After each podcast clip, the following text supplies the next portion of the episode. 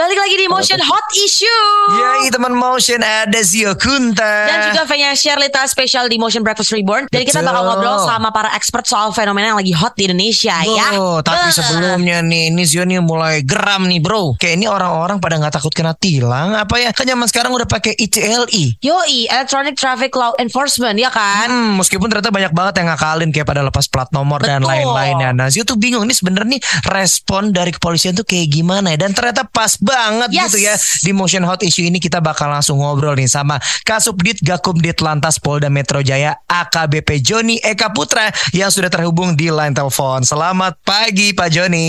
Halo. Selamat pagi. Kemarin sempat viral ya soal kelakuan masyarakat Indonesia nih Hmm. yang kayak udah mentang-mentang tilang manual sudah ditiadakan Hmm. gitu ya kan. Jadinya suka-sukanya gitu kayak nutupin plat nomor sampai ada juga yang nyopot plat nomornya juga. Nah, gimana sih pendapat dari AKBP Joni? Jadi kalau kita lihat ketentuan Undang-Undang Lalu Lintas kaitannya dengan penggunaan plat nomor itu sudah diatur. Jadi kalau kejadian kemarin itu tentunya salah. Mhm. Hmm. Kalau kaitannya dengan plat nomor sendiri itu diatur dalam pasal 280. Jadi kita sebagai masyarakat yang baik tentu kita harus menggunakan plat nomor yang sesuai dengan eh, ketentuan yang dikeluarkan oleh kepolisian baik dalam spek ukurannya, kemudian catnya itu sudah ada diatur dalam aturan tersebut. Jadi kalau kemarin itu ada sempat ditutup itu menyalahi. Tentu apabila kita eh, berikan sanksi itu bisa dikenakan pasal 280. Namun saat ini kan memang kita sudah tidak memperlakukan lagi tilang secara manual. Ini kalau misalnya dari beragam cara ya Mhm. orang-orang mengkelabuhi ITLI kan bisa ditutupin kayak tadi tuh udah disebut ya dicopot plat nomornya. Ya.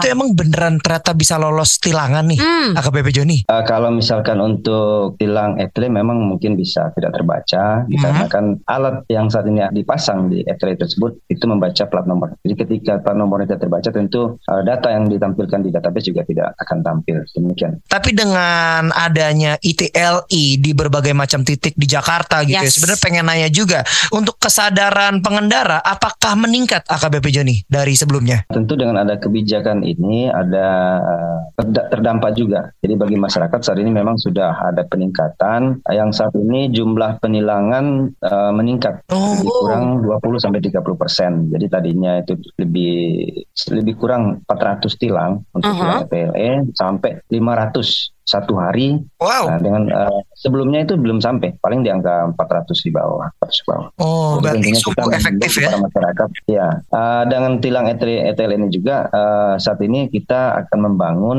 ada 10 kendaraan Yes. untuk melakukan ataupun penertiban di daerah-daerah yang tidak terjangkau oleh tilang ETL statis yang saat ini eh, berada di 57 titik di DKI.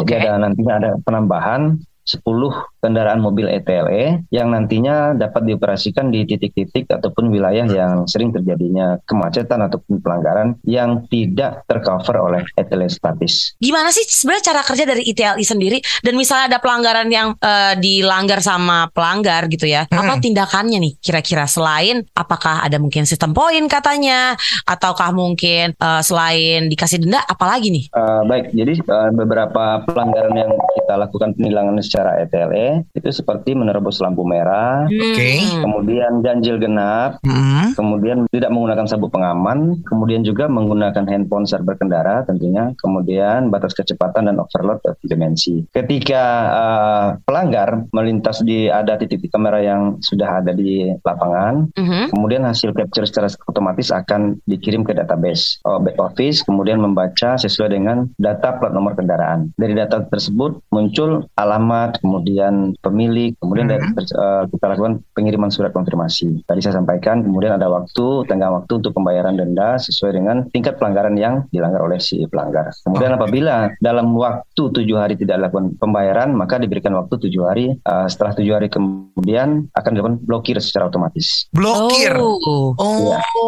tadi Kalau untuk untuk eh, poin sendiri ini saat ini belum kita terapkan. Nanti Hmm. mungkin bisa karena peraturan yang terbaru sudah mengatur hal tersebut. Misalkan saya melakukan pelanggaran, artinya ada poin yang eh, kita berikan. Setelah beberapa poin nanti ada dampak yang harus diterima oleh si pelanggar. Mungkin adanya pencabutan SIM sesuai Hmm, dengan putusan pengadilan. Oh, seperti Namun untuk untuk pemberian sistem poin ini belum belum kita terapkan ke masyarakat. Oke, Oke.